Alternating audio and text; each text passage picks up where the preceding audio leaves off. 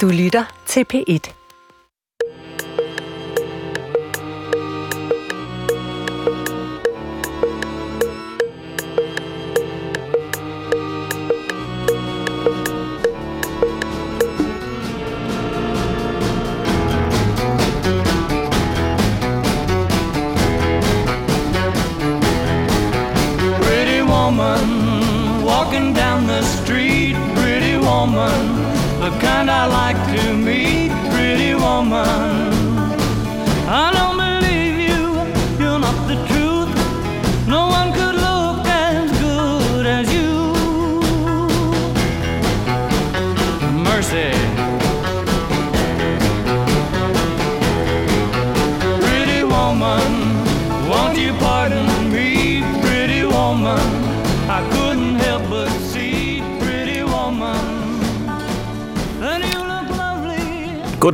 Og rigtig hjertelig velkommen til Hjernekassen på P1. Mit navn det er Peter Lund Madsen, og det vi lige hørte, det var sangen, ja, jeg har nok gættet det, Pretty Woman med Roy Orbison.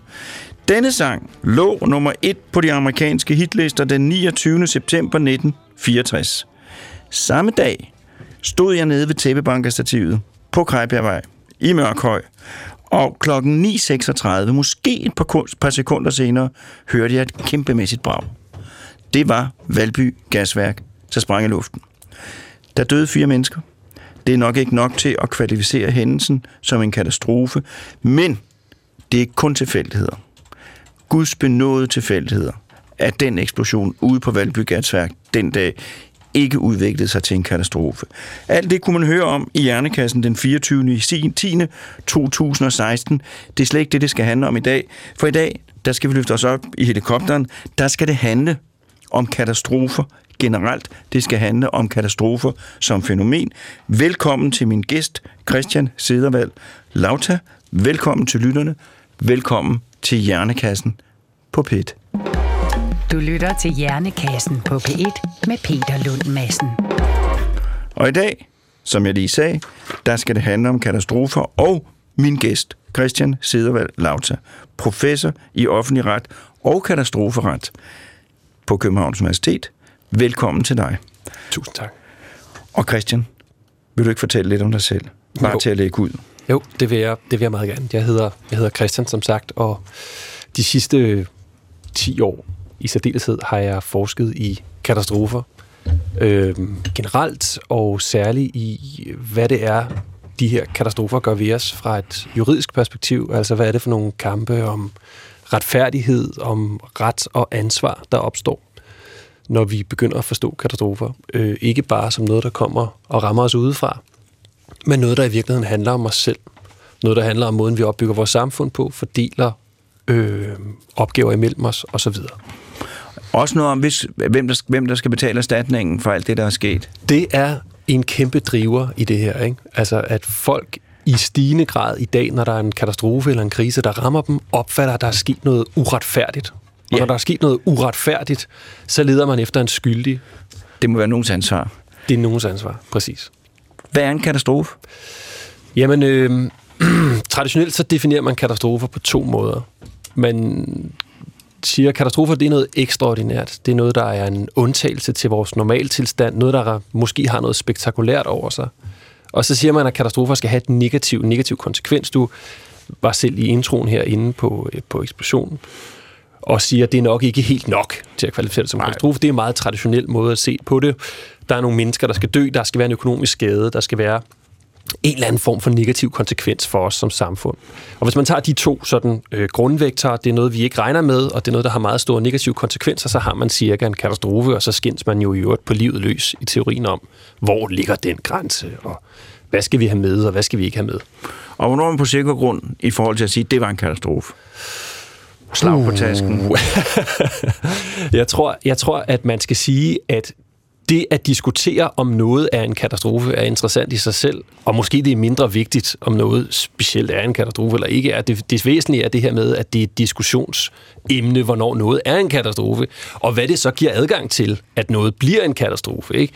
Øh, kan man få adgang til nogle bestemte former for erstatning? Er der en særlig sådan øh, offerstatus, man kan få, hvis man har været i en katastrofe i forhold til en almindelig ulykke eller, eller andre ting. Det, det er sådan set de grænser, der er sjove at, at studere, snarere end det er interessant at sige med sikkerhed, det der er en katastrofe, det der er ikke.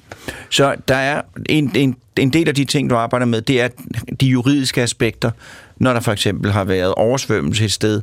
Øh, hvad, er, hvad, hvad, hvad skal til for, at det her bliver deklareret en katastrofe, og der dermed træder nogle specielle regler i kraft. Lige præcis. Meget ofte efter en katastrofe, så øh, folk kan jo kigge i deres forsikringspolice, og så kan de se, at der bruges nogle bestemte ord. Og de ord, de aktiverer nogle bestemte ansvar eller ikke ansvar. Man kan komme ud af suppedasen, så at sige, hvis man kan argumentere for, at det var en katastrofe eller ikke en katastrofe. Der bliver det enormt vigtigt med de her diskussioner, der handler om præcis, øh, hvor grænsen går. Efter Hurricane Katrina i USA i 2005, der var en meget stor retssag, der handlede om, hvorvidt at den undtagelse i folks private forsikringspoliser, der sagde floods, også omfattede øh, det, der skete med Hurricane Katrina, eller om det var et helt andet fænomen. Og derved så bliver det der, det bliver sådan en lille sjov øh, hmm, prisme, eller sted, hvor vi kan begynde at, at observere, hvad er det egentlig folk, de ligger i en katastrofe, øh, og hvad er det, de kan få ud af at kendetegne eller kategorisere noget som en katastrofe. Og hvad, gik, hvad, hvad var den specifikke diskussion der ved, ved orkanen Katrina? Jamen, det, det, det er sådan set meget interessant at binde sammen med øh, noget af det, der er det helt centrale for min forskning. Så hvis jeg lige må starte et andet sted, skal jeg nok ende, ende i den forsikringspolice igen. Fordi de sidste 30 år i særdeleshed, der har vores grundopfattelse af, hvad en katastrofe er, ændret sig ret meget. Stort set hele menneskehedens historie, der har vi opfattet katastrofer som noget, der rammer os udefra som en slags undtagelser til verden. Øh, som enten Gud eller naturen, der overvælder os og overrasker os. Og når man ser øh, det fra et juridisk perspektiv, så er det klart, når noget kommer og altid næsten per definition er en overraskelse eller noget, der overvælder vores eksisterende forpligtelser, ja, så er der jo heller ikke noget ansvar. Man taler om force majeure. I amerikansk ret, der taler man der om acts of God.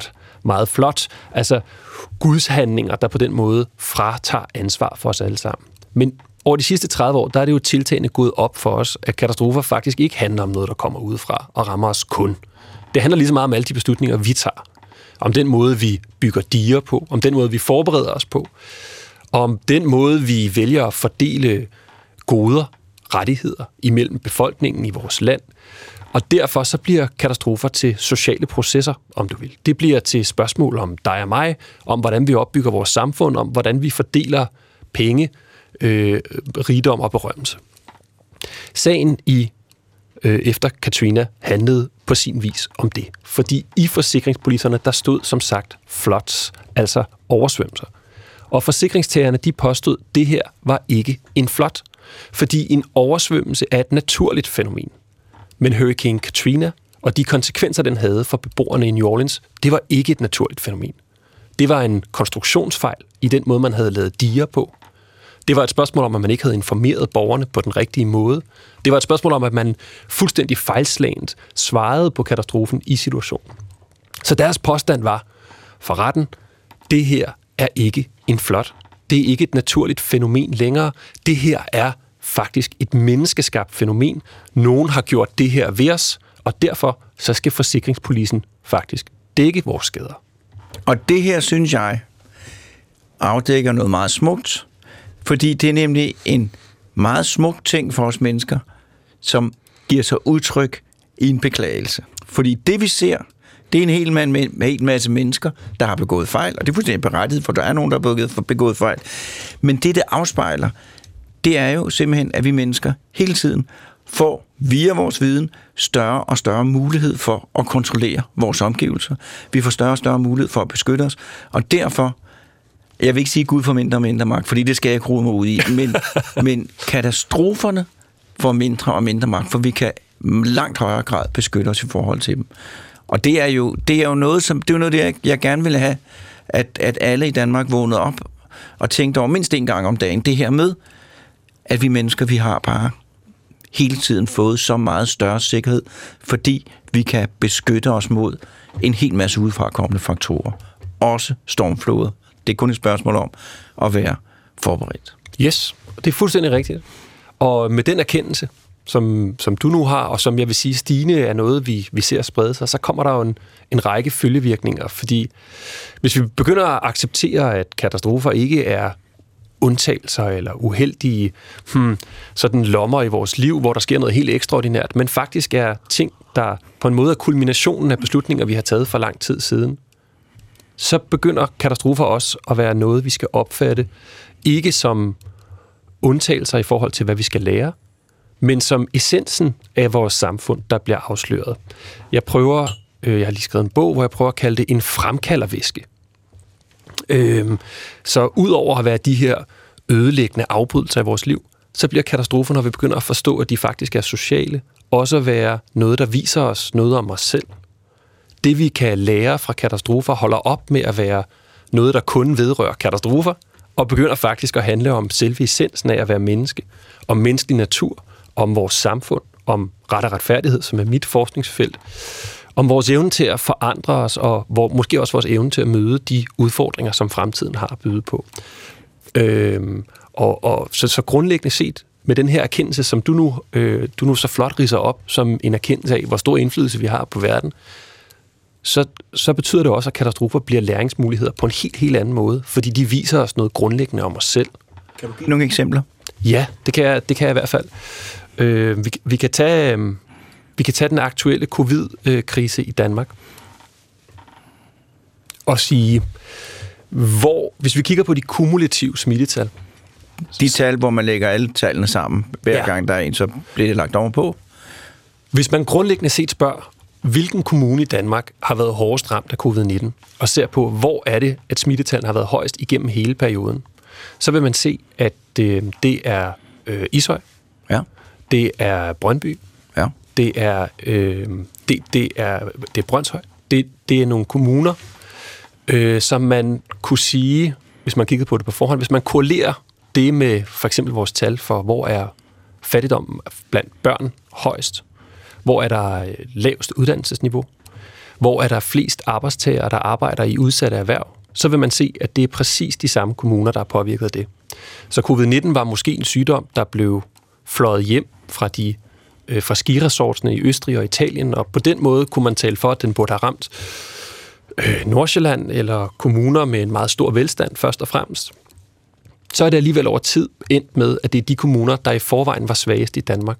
Og på den måde så bliver covid-19 en fremkalderviske, om du vil, på at vise os, hvor vi i forvejen faktisk var svage. Hvor er det, at vores modstandskraft i forhold til at håndtere sådan en krise er mindst? Hvor er det, at de mest udsatte beboere i Danmark, de opholder sig? Så kan man bruge den indsigt til nogle forskellige ting. Man kan selvfølgelig bruge den til at sige, det skal vi gøre noget ved, ikke? og vi er et lige samfund, og det, det, det, det, det går der politik i. Men vi kan også bare konstatere, at det er en anvisning af, hvor vi skal starte med at sætte ind. Ikke bare næste gang, der kommer en virus, men næste gang, der kommer en stormflod eller en eksplosion. Fordi hvis en, en krise eller en katastrofe vil have langstrakte konsekvenser ud over hele landet, så vil det gå hårdest ud over dem, der i forvejen var mest sårbare. Det ved vi fra katastrofer overalt i verden. Og har du andre eksempler for andre katastrofer? Ja, men vi kan tage øh, mit yndlingseksempel. Øh, Jamen, det vil jeg gerne. ja, ja, undskyld, det er, så, det er selvfølgelig så barbarisk her med, øh, med katastrofer, men i, i januar 2010, der, der, der, der ramte et meget, meget voldsomt øh, jordskæld Haiti ja. Jeg tror, at mange lyttere vil kunne huske, det var, det var et jordskæld, som, som var helt forfærdeligt. Havde helt forfærdelige konsekvenser. Op mod 200.000 mennesker mistede livet i, i hovedsageligt Port-au-Prince i hovedstaden, hvor øh, meget stor del af bygningerne kollapsede. Øhm, det, det var på alle måder det, man nok ville forbinde med en klassisk katastrofe. Øh, et jordskæld, der ryster en hovedstad med konsekvenser af øh, altså ubegribelige tabstal. ja. Hvad der måske er mindre kendt, det er, at seks uger efter det jordskæld, der ramte et jordskæld Chile. Og øh, det jordskæld, det var, og hold nu fast, 500 gange stærkere end det jordskæld, der ramte Haiti. På trods af det, så døde omkring 500 mennesker i Chile. Der var selvfølgelig materielle skader, der var bygninger, der kollapsede, men Chiles økonomi var i løbet af en relativt kort årrække sådan set på fod igen. Og den dag i dag har man sådan set brugt den erfaring til at gøre, at Chile er endnu mere resilient over for jordskælv. Modstandsdygtig over for jordskælv. Så 100 gange jords, gange kraftigere jordskæld betyder 500 gange færre skader i Chile i forhold til Haiti. Og så er spørgsmålet selvfølgelig, man bliver nødt til at stille sig selv, har det noget med naturen at gøre? Det har det ikke. Det har noget at gøre med det samfundsstruktur, man er i. Det har noget at gøre med, hvordan man har adgang til at bygge sit hus, hvordan man får adgang til hjælp. Det har noget at gøre med, hvordan befolkningen faktisk kan finde ud af at respondere i en krise. Og på den måde, så bliver sådan to sammenlignelige katastrofer, der sker med seks ugers mellemrum, så gør de med al tydelighed klart for os, at det, som katastrofer i virkeligheden handler om, det er, hvordan vi er i stand til at bygge vores samfund op, hvordan vi er i stand til at gøre folk stærke, hvordan vi er i stand til at fordele viden og ressourcer og magt imellem mennesker. Den engelske professor David Alexander, som er sådan en, øh, en der skriver meget i feltet, han plejer tit at starte sin, sin foredrag med at vise en oversigt over de mest korrupte lande i verden. Og så viser han en oversigt over de steder, hvor katastrofer har størst konsekvenser. Og så kan man se, at der er næsten en perfekt koalition imellem de to. Katastrofer afslører her, hvor er det, at systemerne ikke virkede på forhånd. For katastrofer er i virkeligheden bare en kulmination på en række dårlige beslutninger, på politiske prioriteter, på mennesker, som ikke faktisk har fået de ressourcer, de skulle have adgang til. Og det er jo, kan man sige, på den måde bliver katastrofer en guldgruppe af viden om, hvor er det, vi egentlig skal sætte ind, hvis vi gerne vil mennesker det bedre, hvis vi gerne vil skabe gode liv. Ikke bare i forhold til at beskytte os imod de her farer, men jo altså også for alle de data, der går forud for og kommer efter. Og det er jo en anden kan man sige, øh, det, det er jo også en anden fremkaldervæske for, for, for sådan en hoved, hovedstrømning i menneskehedens historie. Det ene, det var jo det der med, at vi havde fået mere og mere viden, og var blevet bedre og bedre til at beskytte os. Og den anden er jo, at, at evolutionen har været kulturel. Øh, og det er jo de samme mennesker grundlæggende, at de samme mennesker, der bor i Haiti og i Chile, det der adskiller om, det er den organisationsmåde, de lever i. Øh, og der er det simpelthen, at hvis man som menneske bor et sted, hvor tingene er organiseret, dårligt, hvor det er uretfærdigt, hvor det er ineffektivt, øh, så er, er en chance for at overleve meget dårligere, end hvis man bor et sted, hvor der er indgået gode aftaler, og hvor folk gør, hvad der er aftalt, og gør det for fællesskabets bedste, og ikke bare for at, at tjene sig selv. Og det er jo, det er jo, øh, det er jo, det er jo en meget, meget vigtig viden, hvis man gerne vil gøre verden bedre. Det er, jamen det er fuldstændig centralt, hvis man gerne vil gøre verden videre. Og covid-19 bekræfter det jo igen. Her har vi måske for første gang nogensinde, en, en mulighed for at observere hele verden samtidig. Vi har grundlæggende set stået over for den samme trussel. Og den måde, som samfund har reageret forskelligt på det, og har haft forskellige konsekvenser for mennesker, viser os jo præcis, som du siger, hvad er vores organisationsform værd, når den bliver testet i de her øh, ekstreme tilfælde.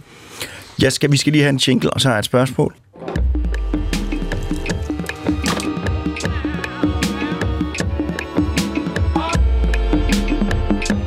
Lytter til Hjernekassen på P1 med Peter Lund Madsen. A, der handler det om katastrofer, øh, og det er katastrofer på mere overordnet plan. Og min gæst det er Christian Sedervald Lauta, som er professor i offentlig ret og katastroferet. Øh, og øh, Christian, du har også skrevet en bog. Jeg har skrevet en bog, ja. Og den bog, den hedder? Den hedder Katastrofer og hvad de kan lære os om os selv. Og hvad handler den om?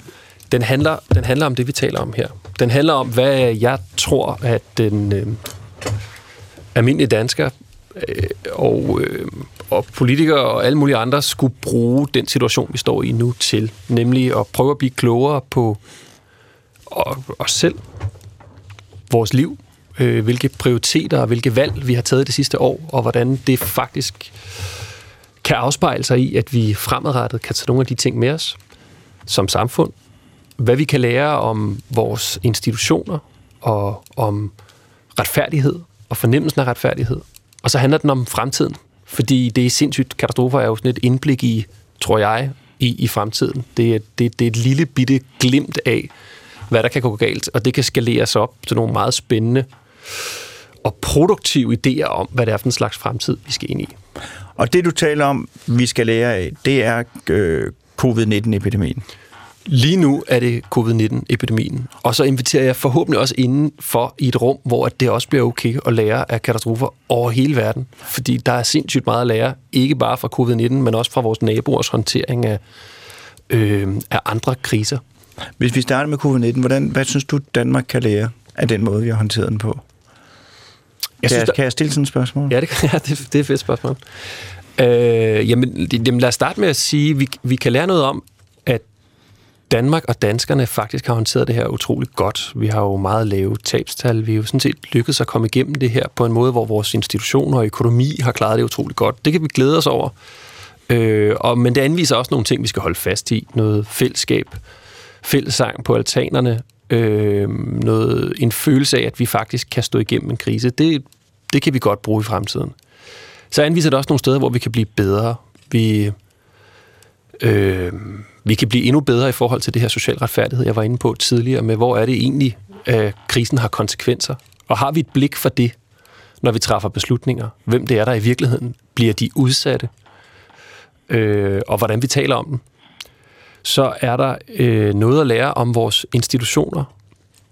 Danmark har jo ikke håndteret sådan en krise her før, hvis vi skal være helt ærlige. Altså, jeg er med på, at 2. verdenskrig var en øh, alvorlig test af vores system, men øh, også en test, hvor at der var nogle begrænsninger for, hvor meget vi egentlig kunne gøre.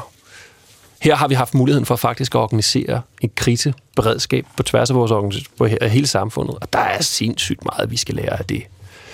Øh, vi skal lære, hvordan vi arbejder sammen mellem myndigheder. Vi skal lære, hvordan vi kommunikerer til offentligheden. Og de erfaringer, dem skal vi forhåbentlig have båret ud af, at det handler om sundhedsepidemier, øh, og over i, at det lige så vel kunne handle om, hvordan vi håndterer øh, klimahændelser, hvordan vi håndterer forurening, hvordan vi håndterer eksplosioner i Valby. Øh, og så skal vi øh, sidst, men ikke mindst, tror jeg, lære noget om at være et demokrati i krise. Altså, hvordan formår vi på den ene side at vise tillid og opbakning til dem, der har magten og tøjlerne, øh, og på den anden side at lave et behageligt klima og være kritisk i.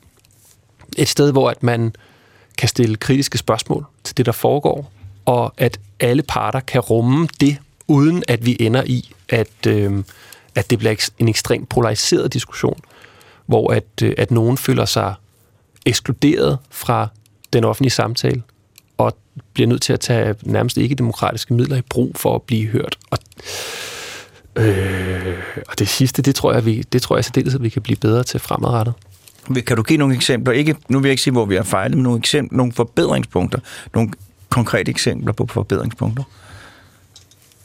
Ja, ja, øh, ja, men jeg kan jo starte på, på hjemmebane, ja. og så sige, øh, vi startede jo med i løbet af 24 timer at vedtage en fuldstændig ny lovgivning, hvor Folketinget gav regeringen mandat til et helt år at, at håndtere den her krise.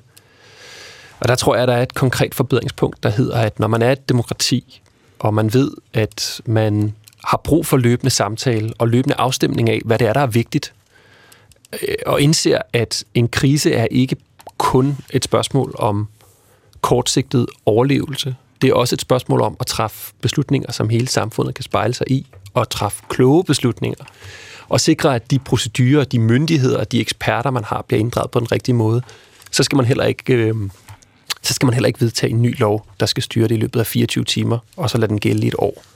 Så skal man, så skal man købe sig lidt tid de første par dage øh, ved at vedtage en lov, der måske gælder i et par måneder, og så få en rigtig grundig drøftelse af, hvordan kunne vi egentlig godt tænke os at håndtere den her krise. Så der var et læringspunkt. Der er et læringspunkt for vores institutioner, altså for vores domstole, for Folketinget, for regeringen, hvordan i alverden skal de arbejde sammen. Og så synes jeg, der er et læringspunkt for vores medier. Hvordan er det egentlig, at man laver et, øh, finder en balance imellem kritik og ikke-kritik af en siddende regering, der har brug for opbakning, for tillid, for at vi grundlæggende set har en følelse af, at vi bevæger os den rigtige vej, men jo ikke derved øh, ikke skal udsættes for kritiske spørgsmål eller for undersøgelser af, hvad der er, der foregår. Og så skal vi alle sammen, tror jeg, øh, øve os på at, øh, at få de mennesker, også i vores omgangskreds, som vi oplever, der tager ekstreme positioner i det her, om det så er flere restriktioner eller færre restriktioner, om det er for eller imod vaccinationer, eller hvad det måtte være, ind i samtalen igen. Fordi det, der kendetegner et sundt og velfungerende demokrati, det er jo, at vi alle sammen føler, at vi faktisk kan være i det samme demokratiske rum, hvor vi kan føre samtale med hinanden. Og så tror jeg, sidst men ikke mindst, jeg tror, at der er sindssygt mange forbedringspunkter for den enkelte dansker, der har været i den her situation, hvor at man kan bruge covid-19 som en lille fremkaldervæske på sit eget liv Hvordan har ens arbejdsliv egentlig fungeret? Hvad var det, man savnede? Måske også, hvis man skal være lidt provokerende, hvem var det, man ikke savnede øh, det sidste år? Og så sørge for at bruge noget tid sammen med dem, øh, man savnede. Tag de bedste ting med over i sit arbejdsliv. Prøv at finde ud af, hvad det er, der faktisk fungerede det sidste år, og, øh, og hvad det virkelig er, man har glædet sig til øh, åbner op igen. Jo, men, jeg, men det vil jo sikkert også ske. Men, men, men det har jo været et stort eksperimentarium, og hvis jeg havde en fabrik, nej, hvis jeg havde et stort kontor, så ville jeg jo altså jeg ville jo kunne undgået at have fået nogle erfaringer, som jeg vil tage konsekvensen af. Jeg tror også, at vores arbejdsliv bliver forandret. Jeg tror, det bliver et før og efter covid-19 arbejdstilrettelæggelsesmåde. Ja, måske. Øh, fordi der er, kan jeg høre, der er rigtig mange positive erfaringer, man kan arbejde videre med. Og det tror jeg, du har fuldstændig ret i, men sporene skræmmer en smule. Hvis vi kigger på vores evne til at lære fra katastrofer historisk, så er den chokerende lav. Øhm, det er helt rigtigt, at der igennem historien er masser af gode eksempler på, at man grundlæggende set har ændret grundlæggende retningen 1755 jordskælvet i Lissabon. Det blev ligesom sådan fundamentet for den moderne storby. Man genopbyggede Lissabon efter helt nye idealer. Man taler om det oplysningstidens gennembrud. Men siden da, der har, det, der har det faktisk været lidt sløvt med det her med forandringer og katastrofer. Det er faktisk meget oftere, at man ser, at noget går helt galt, der sker en katastrofe, og så falder man tilbage og gentager nogenlunde det samme mønster. Jeg ved ikke, om lytterne kan huske, at for et par år siden, der blev USA ramt af en orkan, der hed Harvey. Øh, meget voldsom orkan, der fuldstændig ødelagde Houston, en meget, meget, meget stor øh, by i USA. Den hastigst voksende by i USA øh, overhovedet. Kæmpe, kæmpe by. Det som, det, det, som man ikke talte om, det var, at en af de mest berømte orkaner, øh, Galveston, øh, øh, orkanen, jeg tror, den rammer USA i 1901, den går simpelthen i land jeg tror, 5 kilometer fra, hvor Harvey gør. Og grunden til, at Houston formår at blive en metropol, det er faktisk fordi, at Galveston, der på det tidspunkt er hovedbyen i området, bliver fuldstændig ødelagt af den orkan. Men i de mellemliggende 100 år, der har alle glemt fuldstændig alt om, at det her er et orkanområde. Man har bare bygget en ny metropol op lige ved siden af. Øh, man har fuldstændig øh, hældt cement ud over alle vådområderne, og øh, øh, fjernet alle beskyttelsesværkerne imod, at det her faktisk kunne gentage sig. Grundlæggende set øh, historien, der gentager sig som en tragedie her.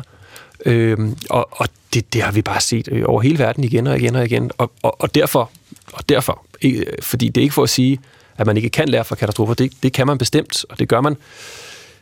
Men det kræver, at vi holder fast. Stort set alle de studier, der er vist, øh, der handler om øh, forandringer og katastrofer, de fortæller os, at de forandringer, der sker efter en katastrofe, de sker kun fordi nogen vil have dem til at ske. Forandringer sker ikke af sig selv. Vi skal insistere på, at der er ting, vi gerne vil forandre, og så skal vi holde fast i det. Øh, fordi ellers så er vores menneskelige øh, sporafhængighed, som man taler om, så dyb, at man næsten ikke forstår det. Der er sådan et lille, øh, ret illustrativt eksempel, synes jeg selv, øh, om sporafhængighed. Et, øh, et tastat, computertastatur kan de fleste nok se for sig. Det har den her skøre øh, fordeling af bogstaver. Et computertastatur er jo lavet, og det vil jo nok overraske nogen, til at skrive langsomt. Og det er det, fordi det kommer fra skrivemaskinen. Og i skrivemaskinen, der var det vigtigt, at de her små hamre, som man trykker på, ikke kom til at slå over hinanden. Og derfor flyttede man bogstaverne, som man brugte ofte så langt væk fra hinanden som overhovedet muligt. Da man fik computeren, og det giver jo ingen mening at tænke på samme måde længere, der var vi så sporafhængige, at måden vi tænkte et tastatur på, måden vi tænkte, at man skrev på, det var knyttet til præcis den måde, den opstilling var, så man overførte det bare. Og på trods af adskillige forsøg på at få mennesker til faktisk at skrive på mere effektive måder, så er det ikke lykkedes. Vi sidder stadigvæk med tifingersystemet i det her afsindigt langsomt, bevidst langsomlige system. Der er en ting, der er mærkeligt, ja. også i, det, i den sammenhæng. Det er det der snabelag-tegn. Ja. Der skal man trykke på to taster. Altså, hvis jeg var tastaturfabrikant, så ville jeg lave det nye med snabelag-knap. Ja. Fordi det er da irriterende, ja. at man skal trykke på to. Nå, det var et tidsspor. Men nej, men det er, jo, det er jo sådan set ikke et tidsspor, for det, det, er jo, det er jo spot on på, hvor langsomlige vores forandringer faktisk er, hvor vanetænkende vi er, hvor meget vi i virkeligheden foretrækker, at verden er, som den var. Øhm, og man kan sige, mens at mange katastrofer kan forklares ud fra vores grundlæggende optimistiske syn på verden, at vi grundlæggende set tror, at det går godt, så kan mange af dem jo altså også forklares af vores meget store afhængighed af status quo, af genkendelighed, af rutiner, af vaner, af de ting, vi gjorde før, af det, vi gør igen. Vi bygger ovenpå. En ja. Af de bedste ting, når man ser køre ud på landet, og der er sådan en landevej, og den står et sving lige pludselig, så kan man sige, hvorfor gør den det? For den, det har den gjort lige siden de første, der gik der, øh, slog et sving. Øh, det, altså, det er fantastisk, at rigtig, rigtig mange af de landeveje, vi kører på, er noget, der ligger direkte oven på de stier, som stenerne og folk, har startede at gå af. Øh, fordi at man bygger ovenpå. Altså nu har vi gået forbi den bus, der måske skal lave det om, og det bliver vi ved, indtil det bliver en landevej. Yes, og det er, og det er simpelthen også, og jeg, jeg kan sagtens både følge øh, det romantiske i det, og hvordan det giver mening til vores liv, at der er noget, der er nogen, der er gået der før os, også i overført betydning. Altså at det samfund, vi bygger videre på, er et samfund, der eksisterede før. Man skal bare være opmærksom på, at her bliver katastroferne og kriserne en slags fremkaldervæske, der viser os, hvor det er, de spor, der er trådt for os, faktisk måske fører den gale vej. Ja. Og hvor vi så får mulighed for at korrigere. Alligevel slå, slå et lille sving den anden vej, øh, og derved sikre os, at vi forhåbentlig ikke næste gang får oversvømmet den del af vejen. Men det fortæller jo også, synes jeg, noget både smukt og meget irriterende om menneskehjernen, og den måde, vi skaber en fortælling om verden og fremtiden på.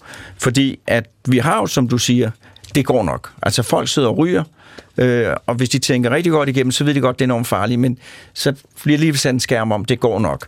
Øh, og det gælder i rigtig, rigtig mange situationer. Og det gælder også, når man så begynder at bygge en by 5 km fra den, der blev taget af en orkan, så står der nogle irriterende nogen og siger, altså er det ikke lidt dumt, vi bygger her, fordi for, ah, nej, det skal nok gå. Øh, og så tænker vi bare på noget andet, at vi har på kort sigt denne her fornemmelse af, at det skal nok gå. Men vi har også, og det tror jeg, vi har haft fra de første tider, en langsigtet, nærmest øh, kollektiv overbevisning om, at dommedag venter. Altså, der ja, er jo, alle ja. religioner har, har jo dommedag, Fenrisulven, øh, ja, dommedag, Ragnarok, alt muligt. Og, og hver eneste tid, også i moderne tid, hvor vi jo ikke er religiøse, jeg var ung, atompumpen. Jeg var fuldstændig overbevist om, at det var et spørgsmål om tid. Og nu er det klimakatastrofen, mm. og der er mennesker, som, som det, og det er simpelthen, som går rundt og er fuldstændig overbevist om, som i, at det sker, at det vil blive oversvømmet, og, og, og det hele vil fyge til. Og det kan også være, det sker. Det kan også være, det ikke sker. Så vi har denne her, på lang sigt, vil jeg sige, urealistiske tro på, at nu ryger det hele sammen. Øh, og så har vi men, det, men altså, det, der skal inden for næste 10 år, det, kommer, det, det går sgu nok alligevel. Ja, men det tror jeg. Det tror jeg, det, det er spot on, øh, og afspejler jo i lidt større skala vores forhold til døden helt generelt. Ikke? Altså, at vi på den ene side godt ved, at det, der er en død, og på den anden side jo bare drøner rundt ubekymret det meste af vores liv, og tænker ikke på den. Og derfor kan jeg så godt lide ingeniører, fordi øh, de i nogle sammenhæng ser lidenskabsløst øh, på tingene. Øh, og, og det er dem, jeg vil stole meget på. For eksempel med at lægge byer, for så går ind i nogle tabeller, og så vil de kigge, og så vil de sige, Ja. den skal ligge der. Fordi det er statistisk set det bedste sted at lægge en by. Så vil lægge byen der. Ja. Ikke? Jo. Øh, men det er jo ikke altid, at det er det, der bestemmer. Nej, og, og øh, man kan sige, der er også en udtalt kritik i nogle, øh, i nogle af de cirkler, jeg kommer i, af, af præcis den tankegang. Fordi forestillingen om, at vi faktisk kan modellere fremtiden fra fortiden, den har jo en grundlæggende fejl. Den har øh, den potentielle fejl, som vi kan kalde kalkunens fejlslutning. En kalkun, den, øh, den, den, den vågner hele sit liv hver dag og bliver bekræftet i, at mennesket grundlæggende er godt. Mennesket passer på den. Den sørger for at øh, skærme den for fjender. Den giver den mad. Hvis den bliver syg, bliver den ført til en læge. Og for hver eneste dag, der går i kalkunens liv, bliver den bekræftet i, via dens erfaring, at mennesket er godt. Lige ind til Thanksgiving. Intet i kalkunens erfaring kunne fortælle om Thanksgiving. Og kritikken af den her nu, nu taler du om ingeniører, men altså, det er jo ikke for at skyde alle ingeniører i skolen, at de tænker sådan, men at tro, at vi altid kan modellere eller ud fra beregninger sige, hvad det er helt rigtige at gøre er, vil være at sige, at den tager ikke højde for det ukendte. For det, vi ikke har oplevet endnu, eller det, som der ligger lige foran os, men uden at vi vidste. Og derfor så skal der på en eller anden måde, i den måde, vi bygger vores samfund på, bygger vores byer på, også være en, oh, en øhm, forestillingsevne om det, vi ikke ved noget om. Man taler om possibilistic thinking, altså tænkningen om det mulige, i stedet for at tænke om det sandsynlige. Øhm, en anden kritik er, at meget ofte, når man begynder at regne i sandsynligheder, så det, man kan kalde the fat tail, hvis du kan forestille dig sådan en gaussiansk klokkediagram. Det er, hvis man laver sådan en fordeling af, hvordan tingene normalt En normal, en normal fordeling. Så ender det tit med, at man skærer ekstremerne fra. Ja. I virkeligheden så fokuserer du på det normale område. ja. Men for risiko og katastrofer i særdeleshed, der er det the fat tails, altså de her tykke haler, Ja. der opstår i begge sider, der i virkeligheden er de rigtig interessante. Der, hvor der er eh, meget lille sandsynlighed, men meget store konsekvenser. Ja. Fordi selvom noget, selvom noget sker med en meget lille sandsynlighed, så er der rigtig mange ting, der kan ske med meget lille sandsynlighed. Så derfor er sandsynligheden for, at en af disse meget sjældne ting sker, alligevel høj. Dels det, og dels så øh, kan man sige, øh, måske det er lidt ligegyldigt med alle de der ting, der har relativt lille konsekvens inde i midten. Dem, vi virkelig skal bekymre os om, det er dem, der for alvor kan lægge vores Ja. ja. samfund i ruiner. Vi skal lige have en jingle. Du lytter til Hjernekassen på P1 med Peter Lund Madsen. Og i dag der handler det om katastrofer. Øh, og øh, det er sådan mere for en overordnet, betra- i en overordnet betragtning. Og min gæst det er Kasta, Christian Sidervald Lauta, professor i offentlig ret og katastroferet. Og Christian, det du sagde lige inden her, øh, at jinglen kom på, det var, at måske skulle vi jo interessere os for de sjældne katastrofer, men til gengæld for de store katastrofer. Og jeg er jo noget, øh, noget bekymret anlagt. Jeg kan ikke, altså jeg kan ikke undgå, jeg kan mærke mig, op hvad, hvad, hvad, hvad, hvad kunne det for eksempel være? Jamen, det kunne være, det kunne, det kunne være ganske mange ting. Jeg, jeg har haft fornøjelsen de sidste par år af at være affilieret til et forskningscenter på Cambridge Universitet, der kigger på trusler mod menneskeheden. Åh, oh, hvor er du heldig. Ja, måske. Øh, Jeg er ikke selv nervøst anlagt, men jeg tror, hvis jeg var nervøst anlagt, så ville det godt kunne gå ud over min nattesøvn. Jamen, det er klart, der er nogle trusler ved at være øh, på jorden, som vi er. Og hvis vi kigger dybt nok i historiebøgerne, øh, måske ikke engang i vores egne historiebøger, men i jordens historie, så vil man kunne se, at der har været nogle hændelser, som har haft gigantiske konsekvenser for livet på jorden. Der har været nogle masseuddødsbegivenheder, som man mener faktisk er udløst af nogle eksterne faktorer. Det kan være ting fra rummet, der, der ramler ned i os. Der er jo en række af de her supervulkaner, som vi har øh, rundt om. Der er, øh, der, er, der er et par af dem, som... princi- frygter jeg virkelig. Ja, jamen det, det tror jeg egentlig også, der er meget god grund til. På et tidspunkt går de en af dem jo i udbrud, Ja. og konsekvenserne vil være, øh, i hvert fald hvad man har kunne øh, regne sig frem til øh, historisk, at øh, de vil spy så meget aske ud i atmosfæren, at den globale temperatur vil falde nogle grader. Konsekvensen vil sandsynligvis være, at vores høst slår fejl. Øh, det eneste tilfælde, man har i moderne tid, er Tempora, tror jeg, den hedder, vulkanen i Indonesien, der gik i udbrud i starten af det 19. århundrede, og udløste det, man over hele verden kaldte The Year Without a Summer, øh, fordi temperaturen simpelthen faldt, høsten slog fejl, øh, øh, masse sultbegivenheder over hele jorden som resultat af det, øh, og krige, som øh, ressourcemangel jo altid udløser. Så det, den, den er der god grund til at, at være bekymret for. Så er der selvfølgelig, øh, der, der er selvfølgelig klimaforandringerne. Altså øh, i, i Cambridge vil jeg sige, der, der, der diskuterer man jo, øh, om klimaforandringerne faktisk er en trussel mod menneskeheden. Fordi at konsekvenserne sandsynligvis, som det ser ud nu, de vil være meget alvorlige for, for, for liv på jorden, men det vil nok ikke udrydde os. Øhm, så er der jo, altså så er der jo det biodiversitetstab, vi ser lige nu, og muligheden for, at det vil betyde en stigning i dødelige sygdomme, overførsler mellem mennesker og, og dyr. Der er øh, også en række af de mere festlige. Øh, hvis man spørger Martin Rees, som leder det center derovre, så vil han sige, at det, han er mest bange for, det er terror and error. Altså, at mennesket efterhånden er blevet så dygtigt til at bygge ting. Det kunne for eksempel være virus øh, i laboratorier. Og efterhånden, som den viden breder sig om, at vi faktisk kan udvikle ting videnskabeligt, der kan slå menneskeheden ihjel, så vil det være uundgåeligt ifølge ham, at der vil ske enten terror eller error. Efterhånden som kredsen af mennesker udvides, så vil der være nogen, der får den vanvittige idé, fordi de er forsmåede, fordi de er vrede, fordi de er frustrerede, Eller fordi de er bims. fordi de er skøre, fordi de har øh, forestillinger om, øh, om, om storhed, at de kunne finde på at udvikle det og slippe det løs. Og det kunne i princippet slå os alle sammen ihjel. Hans store forudsigelse har hele tiden været, at der inden for de næste øh, fem år vil være en alvorlig global hændelse, hvor at nogen har udviklet noget videnskabeligt, der slår mindst 20.000 mennesker ihjel. og, øh, og, og det tror jeg, jeg øh, der er i hvert fald noget at være opmærksom på der. Vi, vi er ret langt i at udvikle ting, som kan slå os alle sammen ihjel. På en helt, helt anden måde end atombomben, som trods alt havde nogle begrænsninger i sig.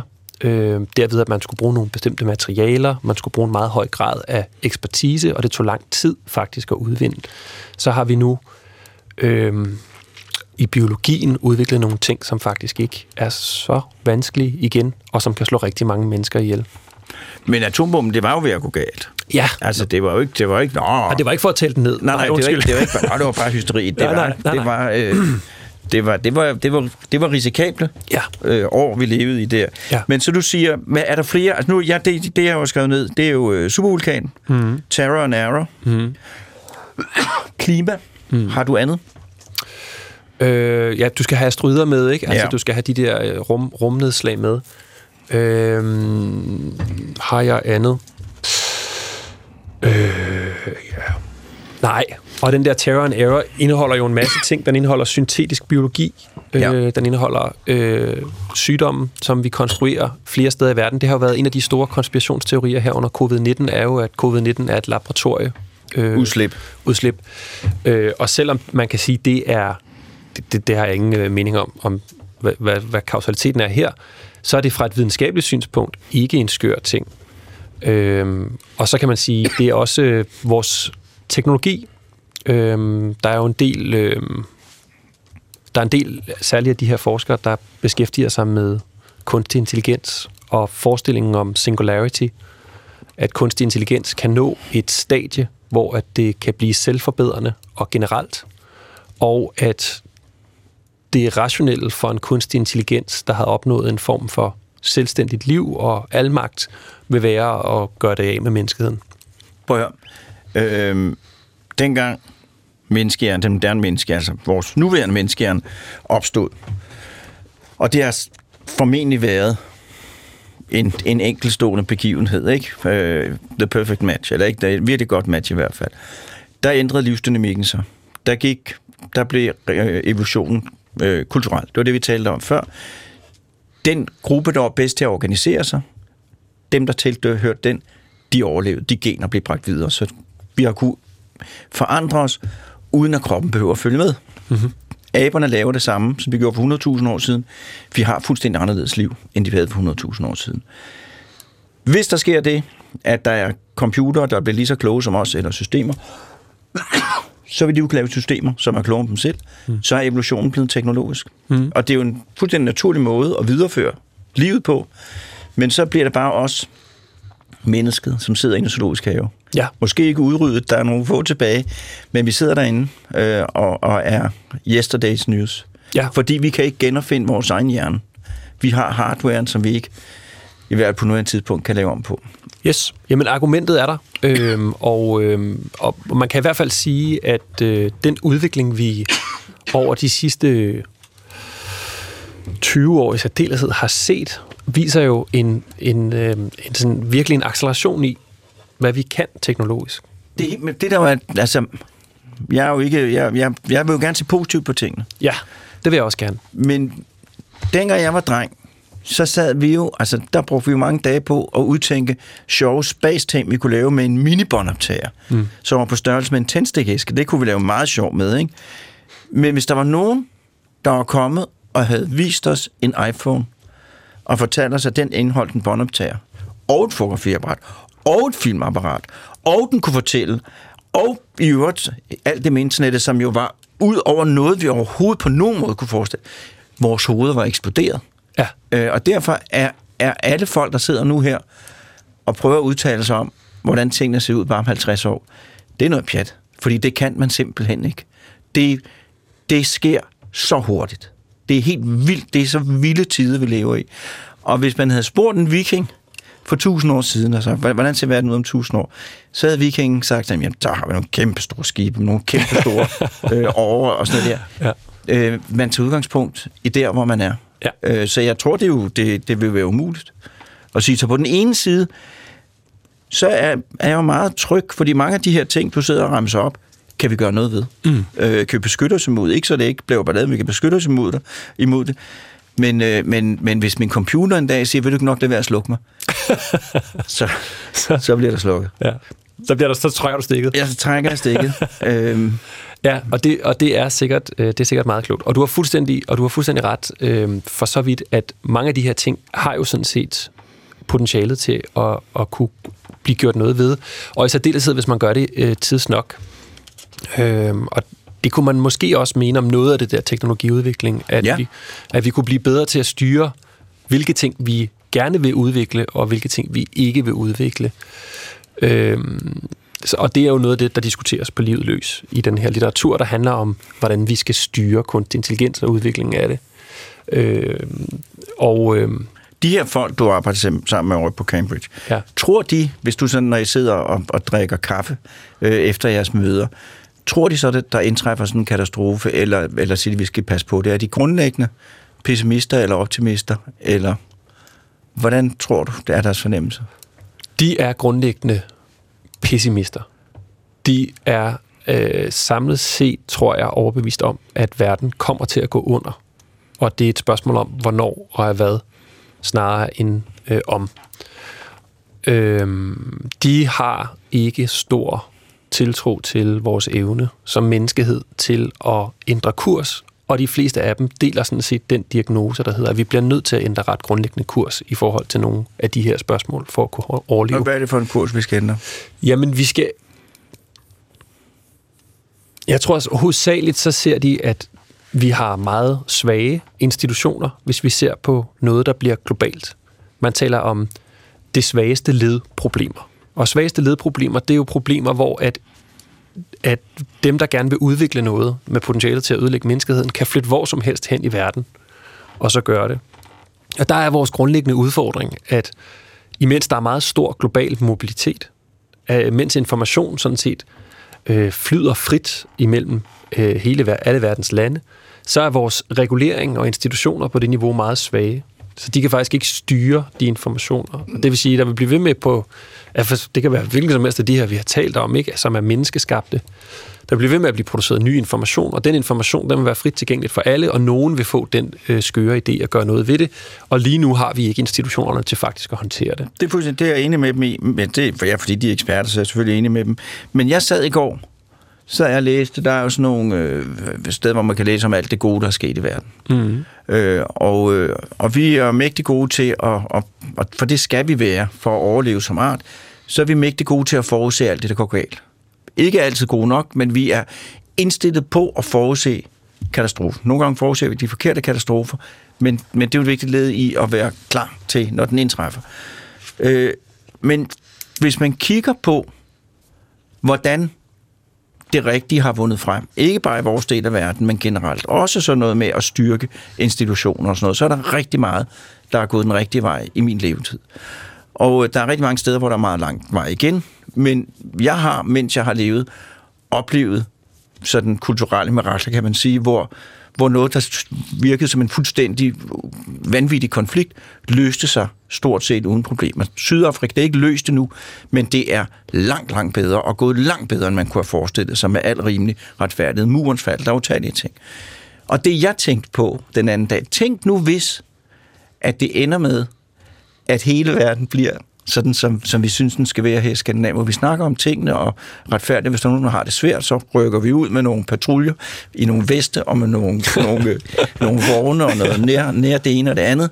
Øh, og alt foregår, som jeg synes, det stort set gør, i tillid øh, og, og efter øh, gode menneskers fornuftige overvejelser. Ikke?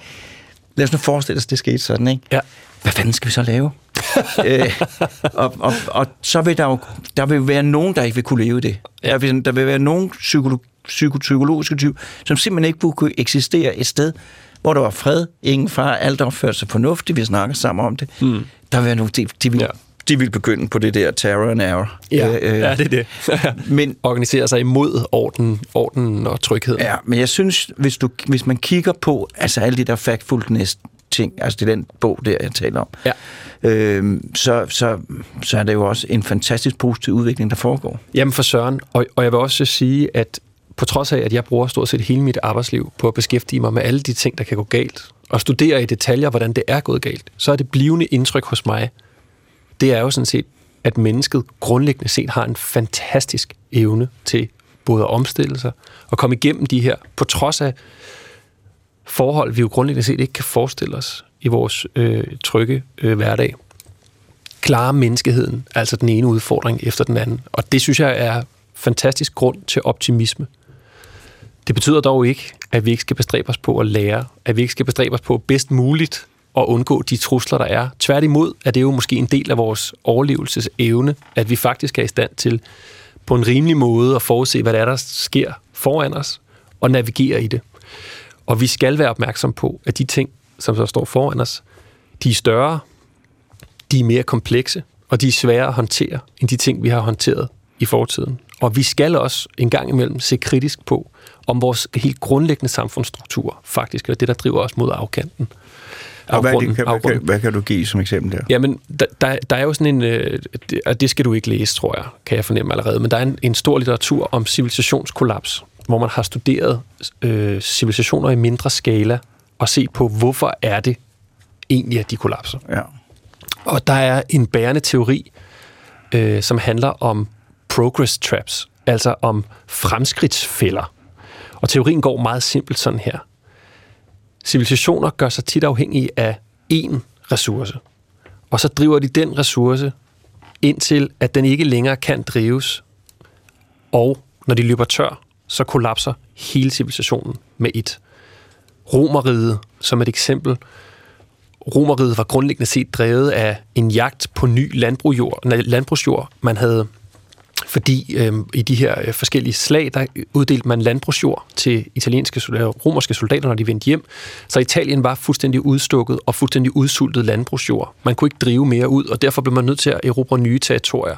Maskinen var, at man skulle erobre nye territorier, som skulle generere ny landbrugsjord, der skulle være føde, øh, fødevarer hjem til Rom da man på et tidspunkt løber tør for det, på et tidspunkt så tipper balancen imellem, hvor mange soldater du skal bruge, og hvor mange fødevarer du bringer hjem, så kollapser hele romeriet. Og hvis man nu prøver at bruge den model på i dag, så har vi i dag en global civilisation. Og den globale civilisation har gjort sig afhængig af at udlede CO2, kvælstof, alle mulige forskellige ting i vores atmosfære. Det er sådan set det, der er vores motor. Spørgsmålet er, hvad sker der, når den motor i virkeligheden bliver det, der driver os imod afgrunden? Godt. Og så tror jeg ikke, vi når mere. Vi kan, har et spørgsmål tilbage, og det er øh, et spørgsmål til dig. Du bliver nødt til at besvare det kort, selvom det er et vigtigt spørgsmål. Hvis nu, at du skulle give mig et råd for, hvad jeg kunne gøre for at sikre menneskets, hvad, sikre menneskets fremtid, hvad skulle jeg så gøre i min hverdag? Hold dig opdateret, deltag i den demokratiske samtale og vær kritisk både i forhold til det samfund, vi har, og den fremtid, du gerne vil selv vil have. Godt. Jamen ved du hvad, det vil jeg starte på med øh, lige nu. Og jeg vil jo sige uh, tusind tak, øh, fordi at du kom. Øh, og jeg synes, det var meget, meget behageligt forsøg. Jeg, jeg er ikke blevet mere nervøs. Ja, godt. øh, og jeg skal læse den der bog med romeriet. Øh, fordi det er en reference, man tit hører. Ja, Øh, og der vil du kunne give godt, hvis man kan mere Ja, detaljeret redegøre for det. Tak fordi du kom. Næste gang i Hjernekassen, der skal det handle om jagt. Vi svinger i emnerne. Og jeg vil også sige tak til Morten Krøholt, både for research og ualmindelig kyndig omgang med de mange tekniske justeringsmuligheder, et moderne radiostudie indeholder. På genhør om en uge.